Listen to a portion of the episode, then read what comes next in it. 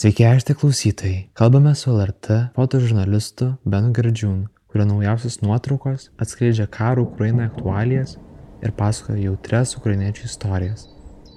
Šiandien skaičiuojame metus nuo plataus masto Rusijos invazijos į Ukrainą. Įvykio, kuris įkvėpė ginti laisvę ir demokratinio pasaulio vertybės. Beno kadruose fiksuojamas konfliktinės situacijos ir atminties traumas, paliekančios matomą įspūdą miesto viešosiuose erdvėse ir urbanistinėse struktūrose. Taigi, šiame pokalbėje keliamės į karo zonos fotografiją. Gerą klausimą. Pakviečiau tave norėdamas pakalbėti apie tą karų konfliktų fotografiją, kurią ir tu fiksuoji. Galiu trumpai pristatyti žmonėm, kas klauso tave, kad e, tu esi fotožurnalistas ir tavo straipsnis LRT ir nuotraukų serijose plačiai kalbama apie Ukrainos karą, konfliktinės situacijas ir atminties traumas būtent Baltijos šalise ir rytinėje Europoje, kaip ir tu įvardini. Įdomu išgirsti, kas tave paskatino fotografuoti pavojingą karo lauką vedamas kažkokios tos, žinai, idealistinės motivacijos, kad atskleis, parodyt, kad žmonės pamatytų, suprastų kažką.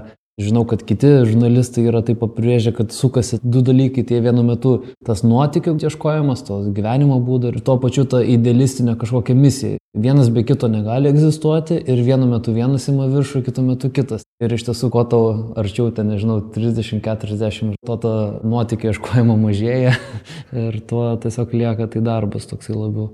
Dar šiandien sakai, kad atvažiavai ką tik po video įrašo montavimo. O dar įdomu, ar tu bandai kitas fotografijos sritis, žinai, kaip tu atvykai tą kritinį įvykių fotografiją. Tai nebuvo kažkoks užsibrieštas seno vaikysės tikslas dokumentuoti karą ar panašiai, bet tiesiog e, dirbti prie istorijų, kurios bent jau man atrodo svarbios ir kurias atrodo, kad verta perteikti, informuoti, pakreipti kažkieno supratimą, ar jį papildyti, ar pakeisti iš viso. Tai negaliu pasakyti, kad tai prasidėjo nuo, va, yra kažkur karas, važiuoju fotografuoti karą, tai visiškai net ne apie tai buvo iš tiesų.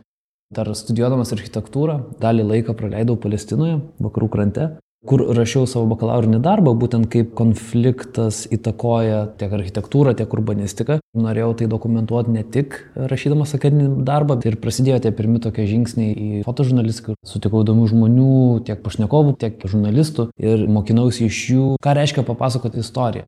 Tai nėra, kad tiesiog nuvažiavai kažkur ir nesvarbu, kokią tu informaciją surinksi, iš to gaus pasakojimas, storytellingas ar panašiai. Ne, tai iš tiesų labai sunkus darbas suprasti, kas yra istorija, kas yra tema, kaip tai papasakoti ir panašiai. Ir atrodo, kas liečia gal tą karo fotografiją, kad tu turi gerai žinoti to lauko taisyklės. Tos turi būti saugus ir gal net fotografija nuina ir į antrą planą. Kai pradėjau kalbėdamas apie tai, kad yra ratas idealizmų ir tas nuotykio ratas, kurie kartais persipina, tai taip pat ir saugumo mokymuose pasakoja, kad yra tas saugumo ratas ir tas editorial ratas, ta prasme, kad tu vis tiek ten turi padaryti darbą. Ir vienu metu ima viena viršus, kita kitas. Tai jeigu labai pavojinga situacija, bus momentų, kai jau nebeįrašinėsi, nebegalvosi, kaip ten pakalbinti žmogų, legendinis šitas fotografas yra pasakęs, pirmą pasirūpink kitai žmonėms, jeigu atvykai, pažiūrėjau, anksčiau į kažkokią sprogimo vietą, kai jau matysi, kad galėsi traukti, tik tada pradėk dokumentuoti. Kartais atrodo, kad kai kurie kadrai lieka ir neužfiksuoti. Galbūt tu jauti, kad aplinkui tave pasikeičia atmosfera, kad jau čia kažkas gali būti neužilgo labai negero. Tai tuo momentu turbūt jau padėsi tą kamerą ar tušinuką į šalį, tau jau gal bus laikas iš ten išvykti. Ir jeigu teisingai suprantu, tai 2014 metais tu pradėjai keliauti ir į Ukrainą, būtent kai prasidėjo karas Donbase. Kaip tu prisimeni tą konfliktą 2014 metais? Ar tai buvo tavo pirmoji kelionė į Ukrainą? Tai pirmoji kelionė į Ukrainą. Tuo metu gyvenau Anglijoje ir ten jautėsi būtent žmonių nesupratimas. Iš tiesų labai girdėjosi aplink tave tie naratyvai, kad na čia ne viskas taip paprasta, čia Amerika, čia NATO ir man tai ir pastumėjo, kad reikia kažką daryti, reikia ten būti, reikia šnekėti. Ten atsiradau tik tais rugsėjai 2014, tai po pirmo Minsk vienos taikos susitarimo, kuris paskui feilino peraugo į Minsk 2, kuris feilino ir peraugo dabar į vadina pilno maštabo karą. Tada atsimenu, nusipirkau bilietą į Mariupolį, nieko aš ten doro neužfiksavau, nepamačiau, su žmonėm pašnekėjau, Girdėjosi, kaip kažkas už miesto šaudė, turbūt atrodžiau užsigandęs, nes kai pirkau bilietą atgal į Kievą, sakė, nebijok, berniukai bus ant tavo tas traukinys į Kievą, viskas gerai. Tada taip gėda šiek tiek pasidarė, bet grįžau į Kievą ir tada jau vėl į Angliją. O kokia yra ta kelionė traukiniais, ar ne, į Ukrainą? Iki pat vasario 23-2022 galima buvo skristi į Kievą, net į Harkivą, Odesą, planavo dar kitų oro uostų krypčių atidaryti. Bet tiesiog reikia suprasti, kokio monumentalaus dydžio ta šalis yra. Traukinys nuo Kievo iki Mariupolio užtrukdavo nuo 16, o vienu metu, kai buvo susprogdintas toks tiltas, 22 valandas traukiniu važiuoti non-stop. Tai yra beproto didelė šalis.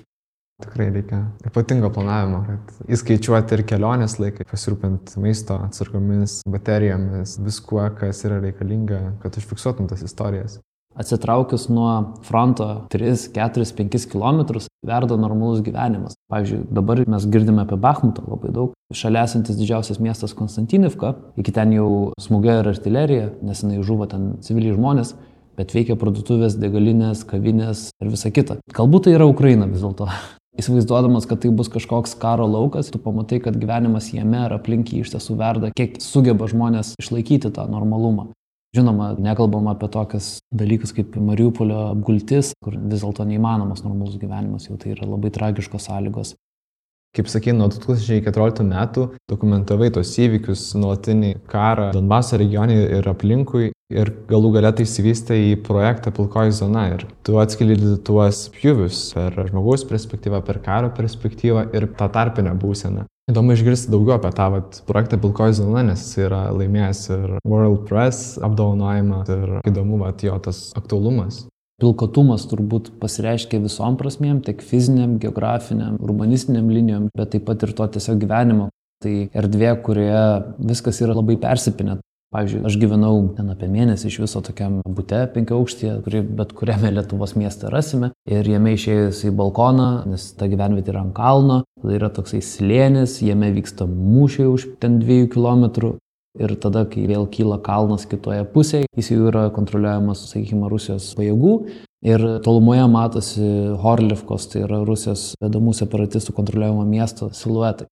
Ir tu gyveni tokioje vietoje, kurioje veikia parduotuvės, žmonės eina į darbus, yra internetas, bet tu pastovi girdi mūšio garsus, O nusileidus į tą minėtą slėnį, viskas dar labiau yra keiščiau, kuomet yra tranšėjas, kuriuose vyksta kovos, jos tai paštrėdavo, tai pasilpnėdavo, bet, na, susišaudimai, kartais užpolimai vienas kitų, jie taktinio lygio išlikdavo. Bet 10 minučių peškom nuo tų tranšėjų yra veikianti mokykla. Kalbi mažiau negu kilometrus nuo tranšėjų linijos, virš kurios kartais praskrenda svediniai, praskrenda kulkos tiesiog elementariai. Ir, na, ten vaikai eina į mokyklą toliau mokosi. Galim pereiti toliau, kad politinės pažiūros persipinusios, žmonės, kurie kažkada rėmė separatizmo referendumus, tos vadinamosius, ar palaikė Rusiją, dabar netgi buvo Ukrainos kariuomenės dalimi, na galbūt dėl algų, ne dėl ideologinių dalykų. Labai viskas persipinę. Žmonės, kurie neva remia Ukrainos kariuomenę, turi Putino portretą namuose, na labai sudėtinga viskas tikrai. Ir kas dar liečia patį projektą Pilkoji zona, tai tu ne tik fotografavai, dokumentavai istorijas, bet ir įrašiniai audio įrašus ir tai perteikiai po to audiovizualiu formatu. Aš laikausi tos minties, kad kiekviena istorija turi tam tikrą tinkamą formatą papasakojimą. Tai gali būti ir audio, tai gali būti video, tai gali būti romanas parašytas galbūt tą temą ar ne. Tai kaip perteikti kažkokią mintį, tai yra galų gale komunikacija, aš manau. Tai būtent perteikti tą keistą būseną, būnant ten, man atrodo, kad privaloma turėti garsą. Komet girdi tą pačią mokyklą, vaikai juokiasi, žaidžia, bet labai netoliesi girdi sprogimus. Aplinkos toksai fonas, kuris yra labai specifinis toje vietoje. Dar prieš pokalbį tyrinėjau tą svetainę, analizavau istorijas ir tie aplinkos garsai įtraukia stebėti, skaityti, matyti ir kartais gal net įtampa kelia pati tyla, kuri atsiranda momentais ir tu nežinai, kada gali tikėtis šūvio smūgio. Labai gerai pastebėjai, tą patį iš tiesų ir kariai sako, kad kuomet girdėjo, kur smūgiuoja, jie neva atsipalaiduoja, kad na gerai, šiuo momentu nei mane šaudo. Kai atsiranda tyla, reiškia, sekantis gali ir tave pareiti. Dar kalbant apie tas istorijas, man kažkaip buvo tokia jautri šeimos istorija, kuri slėpėsi nuo karo viename iš pastatų, augino vaikus ir gyveno tokiame savo liktai pasaulyje. Įdomu, kaip tau sekėsi užmėgsti tos ryšius su vietiniais gyventojais.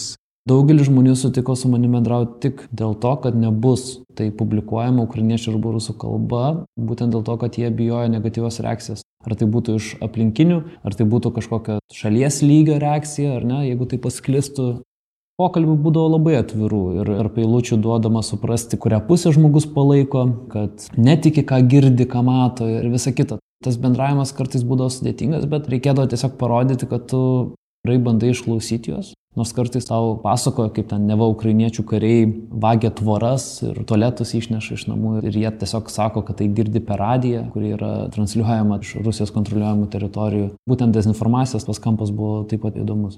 Vien jau nebūdami va, toje karo zonoje mes matom didelį dezinformacinį srautą, tą propagandą.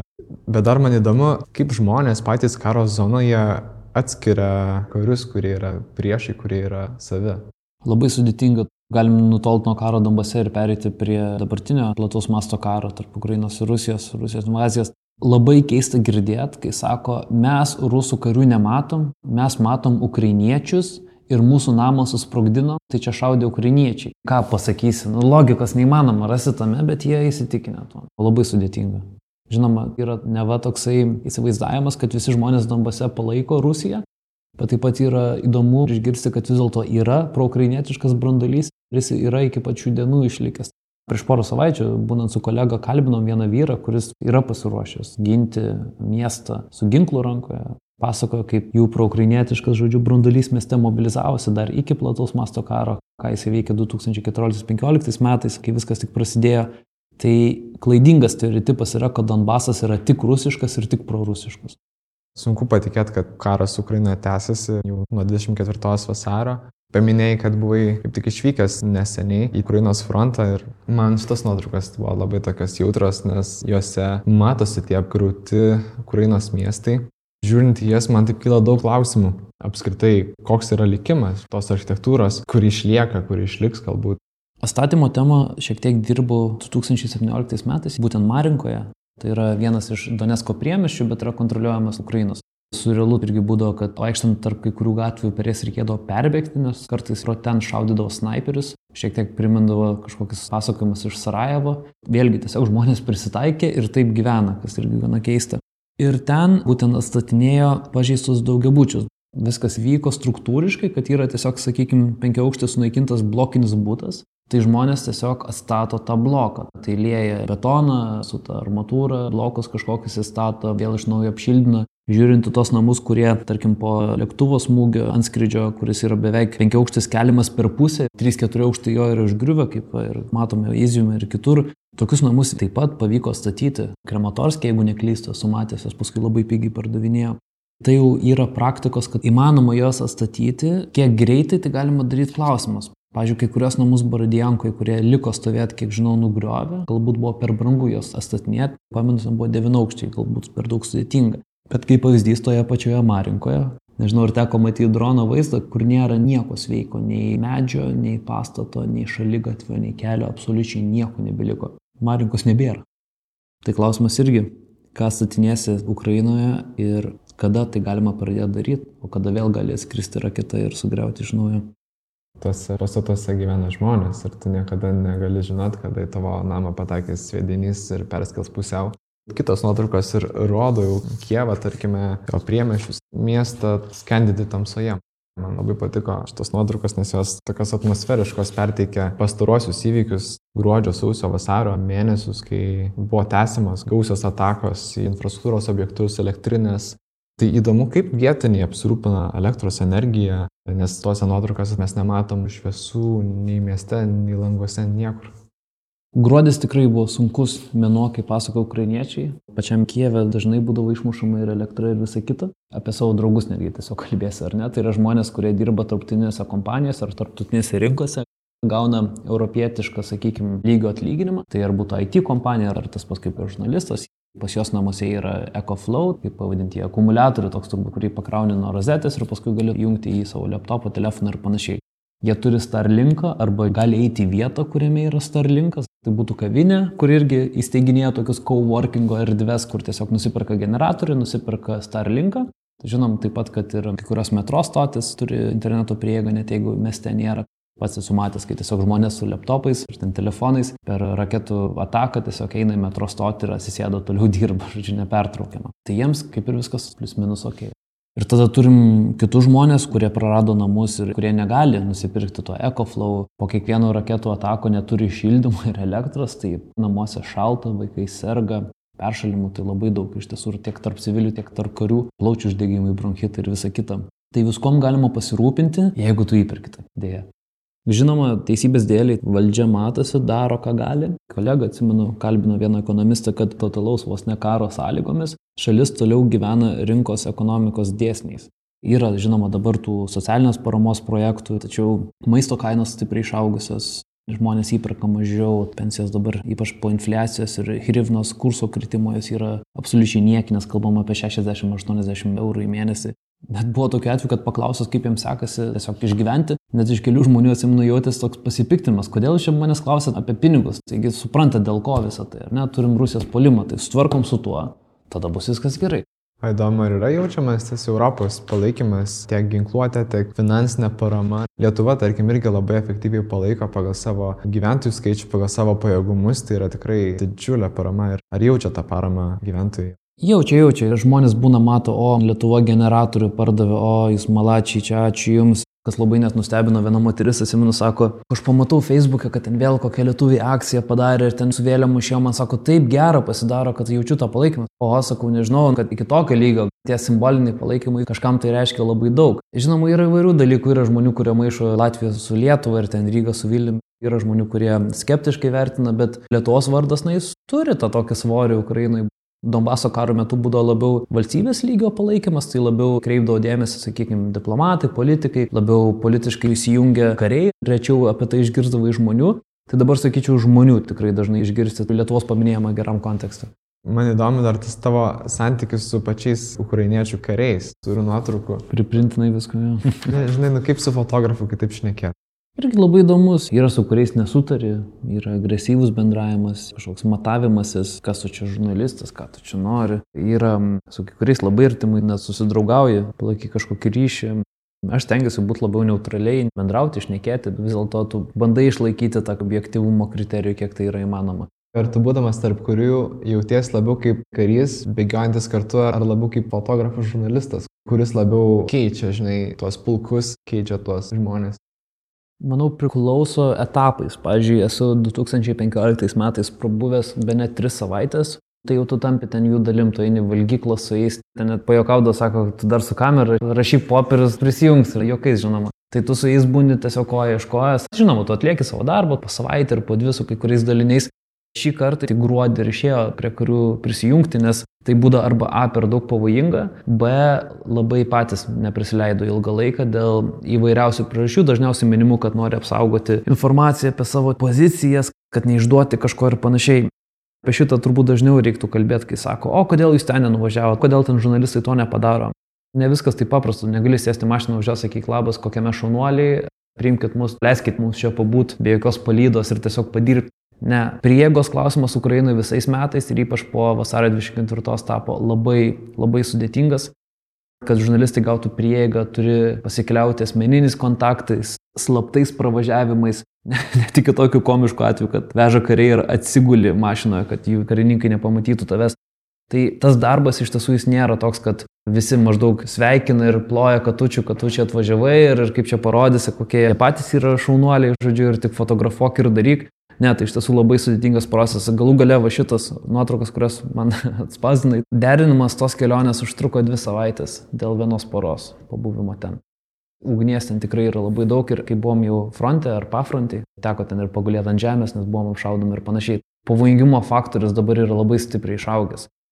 Kaip sako žmonės, kurie veda paskaitas ar moko, būkit kiek reikia, pasiemi medžiagą išvažiavai. Tai mes ten turėjom labai konkrečią suplanuotą misiją, mes padarėm, ką norėjom, informaciją surinkom, išvažiavom. Dar minėjai apie pačią karo pradžią. Prisimenu, kaip Europa ir visas pasaulis reagavo. Amerika pradėjo viešinti satelitinės nuotraukas iš karto, rodyti kažkokias pozicijas. Atrodo, mes tapom artimesni stebėtojai ir įvykių sekėjai.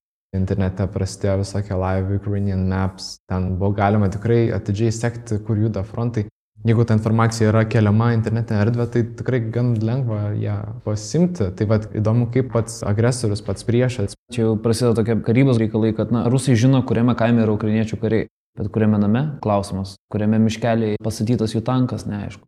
Ir šiaip, kas dažnai liečia tą informacinį karą, tai kiekvienas žmogus, kuris turi telefoną ar kitas priemonės, gali būti lik žurnalistas, kuris fiksuoja ar poziciją savo, ar nuotrauką, ar kažkokią raketą pataikiusią jeigu jūs turit interneto prieigas. Man atrodo, tas irgi yra aktualus šiam karui. Ukrainai net buvo priimtas įstatymas, ar tai kažkoks nurodymas pagal karo taisyklės, kad negalima skelbti nuotraukų, video medžiagos iš raketų smūgių vietos, jeigu ne infrastruktūros objektas ant kažkiek valandų, jeigu infrastruktūros ar ten strateginis, ar tai karinis objektas, ar net parą, ar net dvi. Kaip aiškino Ukrainos pareigūnai, kad neskleisti, ar jų smūgis sunaikino, tarkim, objektą.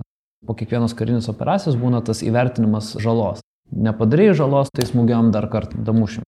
Tai tiesiog uždraudė teisiškai, kaip žurnalistams, užsieniečiams pažeidus šią taisyklę yra iš karto deportacija, yra akreditacijos atimimas, galbūt ir uždraudimas atvykti šalį kažkiek laiko, o jau patiems ukrainiečiams grėsia ir kriminalinė atsakomybė. O tai reiškia, visa informacija, kurią mes sužinom, tai yra po kažkiek laiko praėjus informacija. Yra įstatymas, bet čia Ukraina, kai sako, nu, ta taisyklė ir įstatymai ne visada veikia. Labai sunku būtų suvaldyti visus žmonės, kad tam tikrų laikų postintų, keltų. Bet labai daugeliu atveju, va, tas, va, čia Ukraina, žodžiu, tas posakis. Ten labai tokia įdomi šalis. Įdomu dar apie parodą Ukraina lūžio būsena, kurią pristatėte Mo muziejui kartu su Nara multimedijos kuriejais Deniu Vėju ir Tomu Valkausku. Ir tai buvo toks dviejų mėnesių kelionė po Ukrainą, fiksuojant desperatišką evakuaciją į vakarus ir tą laukimo nerimą, apie kurį irgi kalbėjom. Gal trumpai gali pasidalinti, kaip atrodė tie du intensyvūs mėnesiai. Ukrainai praeitais metais buvau nuo sausio 30 apie tą jausmą, kur, kada atsidurti, tai irgi, aš manau, ateina su tam tikra patirtimi. Kaip pavyzdys, jeigu matai visas pasaulio žiniasklaida siunčia savo korespondentų komandas į tą vietą, nu, tai jau supranti, kur ir kada reikia plius minus būti. Toks irgi labai geras indikatorius. Tas buvo visas mėnesis karo laukimo irgi labai įdomus. Vieni bandė ignoruoti, kiti ruošėsi, kiti tikrai kovoja su psichologiniam problemom dėl to nerimo. Ir tiesiog pačiam ten būnant vis pamatai kažkokią žinią ir atsiminam tos ambasados evakuojamos, oligarchai visi vienu metu pabėgo, gana svarbus indikatorius, manau, irgi buvo. Ir, žinoma, atėjo to vasario 24 ir buvo nerealios dienos, labai intensyvios, porą parų bemiegės. Nors tu būni vietoje, kartais tu iš tiesų matai labai nedaug. Savo gatvę, savo kvartalą, miesto kampą. Vėlgi, jūs galbūt būnant Lietuvoje, skrolinant žinias, tu turbūt galėjai matyti aiškesnį vaizdą, kas vyksta. Tai buvo toks blaškimosi, ar būti ten, ar važiuoti kitur. Gal, žodžiu, išlaukti šitoje vietoje, gal dėti vabank ir važiuoti kažkur kitur. Ar mums jau čia saugu likti, ar mus čia toje apsups. Irgi šitas atvejis buvo, buvom pasiruošę apsupčiai vienu metu. Tai buvo to stresiško, tokio chaotiško periodo, kur darbo laikas taip pat buvo labai trumpas, dėl to, kad ilgą laiką komendanto valanda prasidėdavo net beros 6 val. vakarą. Labai trumpa diena ir turi ir padirbti, bet taip pat ir vandens nusipirkti, ir maisto apsirūpinti. Tada buvo sudėtingiau, tas pirmas dienas nei kavinės, nei restoranai dirbo, parduotuvės dirbo, aišku, sudėtingėjo kai kurie dalykai. Tai buvo tų tokių įdomių momentų stebėti tą visos šalies mobilizaciją, kaip tiesiog kiekvienas kaimas, miestas, miesto kvartalas, namas, strateginis objektas yra tiesiog įtvirtinami kiekvieno žmogaus. Labai įdomus ir įkvepiantis laikas matyti, kuomet tiek milijonų žmonių dirba iš vien. Nepamirštama tikrai. Iš to, ką aš mačiau, man labai rezonavo su pasakojimais apie sausio mėnesio įvykius Lietuvoje, kuomet tikrai buvo mobilizacija visi už visus žodžių. Dar mačiau nuotraukose buvo apstatomos ir tam tikros skulptūros, smėlio maišais, arba vėliau jau po karo įvykių ir atvežami tankai į miesto aikštas, galbūt sustiprinti tą sustelkimo jausmą, kas būdinga lietuviam, kaip ir tu sakai. O kas liečia pačią parodą, tai tenais ir buvo būtent tos nuotraukos ir jėjo audio instaliacija. Buvo kurtas takelis kelių žmonių, kad tu girdi žmogaus pasakojimą, tu girdi kažkokius atmosferinius garsus, pasineri turbūt į tą atmosferą. Aš manau, tai pertikė pojūčius tam tikrus. Tikrai daugiau, manau, negu tik foto, o gal netgi daugiau negu video, nes video tu pasineri į tą veiksmą turbūt, nebent tai tam tikro žanro video būtų, o kai yra tiesiog vienas still frame'as, tu labai įsigilini jį ir tu leidi tam garsui tekėti per tavo galvą ir maždaug dakuri aplinkui tą vaizdą, ką tu matai. Kartais tas stabdytas momentas yra daug paveikesnis. Aš labai klausinėjau iš tiesų, kas labiau paveikėjo kažkokia viena nuotraukai, ar kažkoks video segmentas, ar garsas, galbūt momento stiprumas yra svarbiau negu forma patikima. Atrodo, mes buvome mokyti žvelgti į architektūrą kaip į erdvės meną. Tai ir tu galvoji ne vien apie vaizdą, bet ir apie garsą, apie tūrį, apie visus kitus erdvę apibūdančius rodiklius kuomet dar studijavau architektūrą ir paskui, kai trumpą laiką dirbau architektu, sakyčiau, man buvo svarbu pojūtis, ką žmogus jaus, būnant toje erdvėje, kaip keliaujama per erdvę ir ką tu nori sukurti. Jau čia nemažai kalbam apie tą architektūrą ir dar užsimeni, kad ir dirbai šiame lauke. Tai įdomu, kaip architektūra atėjo į tavo gyvenimą. Architektūra buvo vaikystės svajonė. Pradėjau studijuoti 2011-aisiais, tai buvo tik tas krizinis, pokrizinis laikotarpis. Mano planas buvo pabandyti bent praktiką padaryti prieš studijuojant dėl to, kad pažiūrėt, ar tikrai ta profesija į tą pusę. Nelabai turėjau tam progos, studijavau, bet studijuojant atsirado bakalauro būtent rašymo tas periodas, kvestionavimas architektūros proceso. Dar tu minėjai prieš pokalbį, kad turi architektūrinės patirties su architektūros fondu, kad bendradarbiavai keliose iniciatyvose ir pavyzdžiui simpozimo erdvės politika tema buvo būtent tyrinėti architektūros erdvės ne iš tų estetinių pusių, bet iš politinių erdvių kūrimo praktikų. Kaip tik tavo Rožavos revoliucijos projektas apie tai ir šnekat ir galėtum plačiau truputį papasakot. Prasidėjo taip, kad baigiamasis architektūrai darbas buvo paimti Rožavos revoliuciją ir jų tas utopinės idėjas ir jas bandyti aplikuoti į mūsų dabartinį pasaulį ir tam tikrą prasme, ar įmanoma sukurti demokratinę erdvę per formą. Ir ieškojau aš atsakymų tame, naudojant būtent tą Rožiavos prezidentą kaip pagrindinį. Ir paskui vis dėlto pavyko gauti finansavimą tyrimųjų darbų iš Stokholmo instituto universiteto ir pavyko ten pabūti tris savaitės baros, kuomet būtent žiūrėjau, kiek tie utopiniai idealai, būtent apie egalitarinę visuomenę, moterų išlaisvinimą, apie komunalizmą, kur kiekviena, žodžiu, komuna, miesto erdvė, kaimas ir galiausiai regionai turėtų, žodžiu, tą direct democracy reikšmę, kad nebūtų politiniai procesai kažkur uždarų durų, o tame dalyvautų kiekvienas pilietis. Ir su šito momentu aš baigiu tą propagandinę dalį, nes paskui prasidėjo iš tiesų tas pamatymas to real politik. Ir tas projektas būtent buvo apie tai. Įmanoma utopinė tokia revoliucija ir ar galėjo ar negalėjo atsispindėti būtent toje fizinėje erdvėje. Tai būtų architektūra ar labiau ta urbanistika. Buvo labai pozityvių įdomių dalykų, nekalbant apie kažkokį dizainą, bet tiesiog kaip buvo struktūruojami miestai pagal tą komunos ir tą tokį šeimos atstovų lygį, kaip pasirodo ten reprezentatyvios erdvės. Bet to pačiu buvo liūdna matyti galbūt, kad vis dėlto yra daug įtakota propagandos ir daugeliu dalykų ten tikrai nematyti. Vis tiek buvo neįtikėtina, ką jiems pavyko sukurti, nes jie buvo absoliučiai izoliuoti ir na, blokadoje, taip galima apibendrinti, apsiginus nuo visiško genocido, kurį bandė prieš juos vykdyti vadinamoji islamo valstybė. Ir vis tiek sugebėjo sukurti netobulą, bet, sakykime, gana laisvą bent jau kažkokią erdvę demokratinę, ar bent jau jos pradmenis. Noriu visiškai pastiksinti, tai Rožava tai yra Šiaurės Sirijos regionas, ar ne? Taip. Ir Rožavos konfliktas prasidėjo, kai kurdai norėjo sugražinti savo tautą. Kurdai ten visą laiką buvo. Sirijos režimas bandė sumenkinti vietos etninės grupės galę. Tai tą kurdų dominuojamą regioną buvo atkeliama arabai buvo ribojamas kurdų ekonominis vystimasis, kaip pavyzdys jų miestai ir Kobanė, pavyzdžiui, labai jas tokie sugrūsti, su labai mažai infrastruktūros, labai suspausti, būtent dėl to, kad jiems nebūdavo duodama erdvė, ypač ekonominė, vystyti jų miestų. Ir šiek tiek grįšiu, kad vienas jų pagrindinių dalykų ir buvo tas revoliucijos, kad jie dabar turėjo progą planuoti miestus kaip jie nori. Ir nebuvo noras įforminti tiesioginės demokratijos idėjų formoje, Bet tiesiog vien pas faktas, pati programa, kad jie gali plėsti savo miestus, statyti atviras erdvės parkus, tai jau jiems buvo revoliucinė idėja.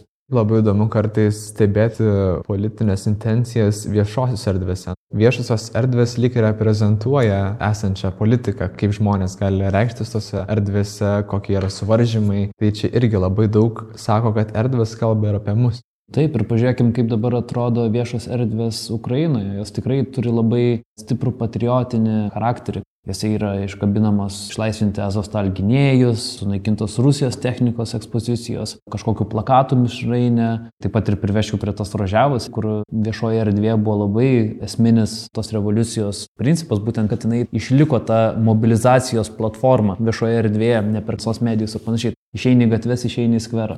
Kaip tai svarbu Ukrainoje, žinome, Maidanas ir žinoma dabar karo kontekstą, ką ir minėjau apie patriotinę mobilizacinę erdvę taip pat. O kaip tu manai, ar matoma karo pabaiga ukrainiečių širdise? Visi tikisi pergalės. Daugelis žmonių galvoja, kaip ta pergalė atrodys. Labai daug žmonių kalba, kad Krymas vėl bus mūsų ir grįšime ten 90 kilintųjų ribas, bet manau daugelis kvesionuoja, ar tai tikrai bus įmanoma padaryti. Išlaikydami pozityvumą, baigėme pokalbį iš Martino Mažydo studijos. Su jumis atsveikina Lukas ir Benas.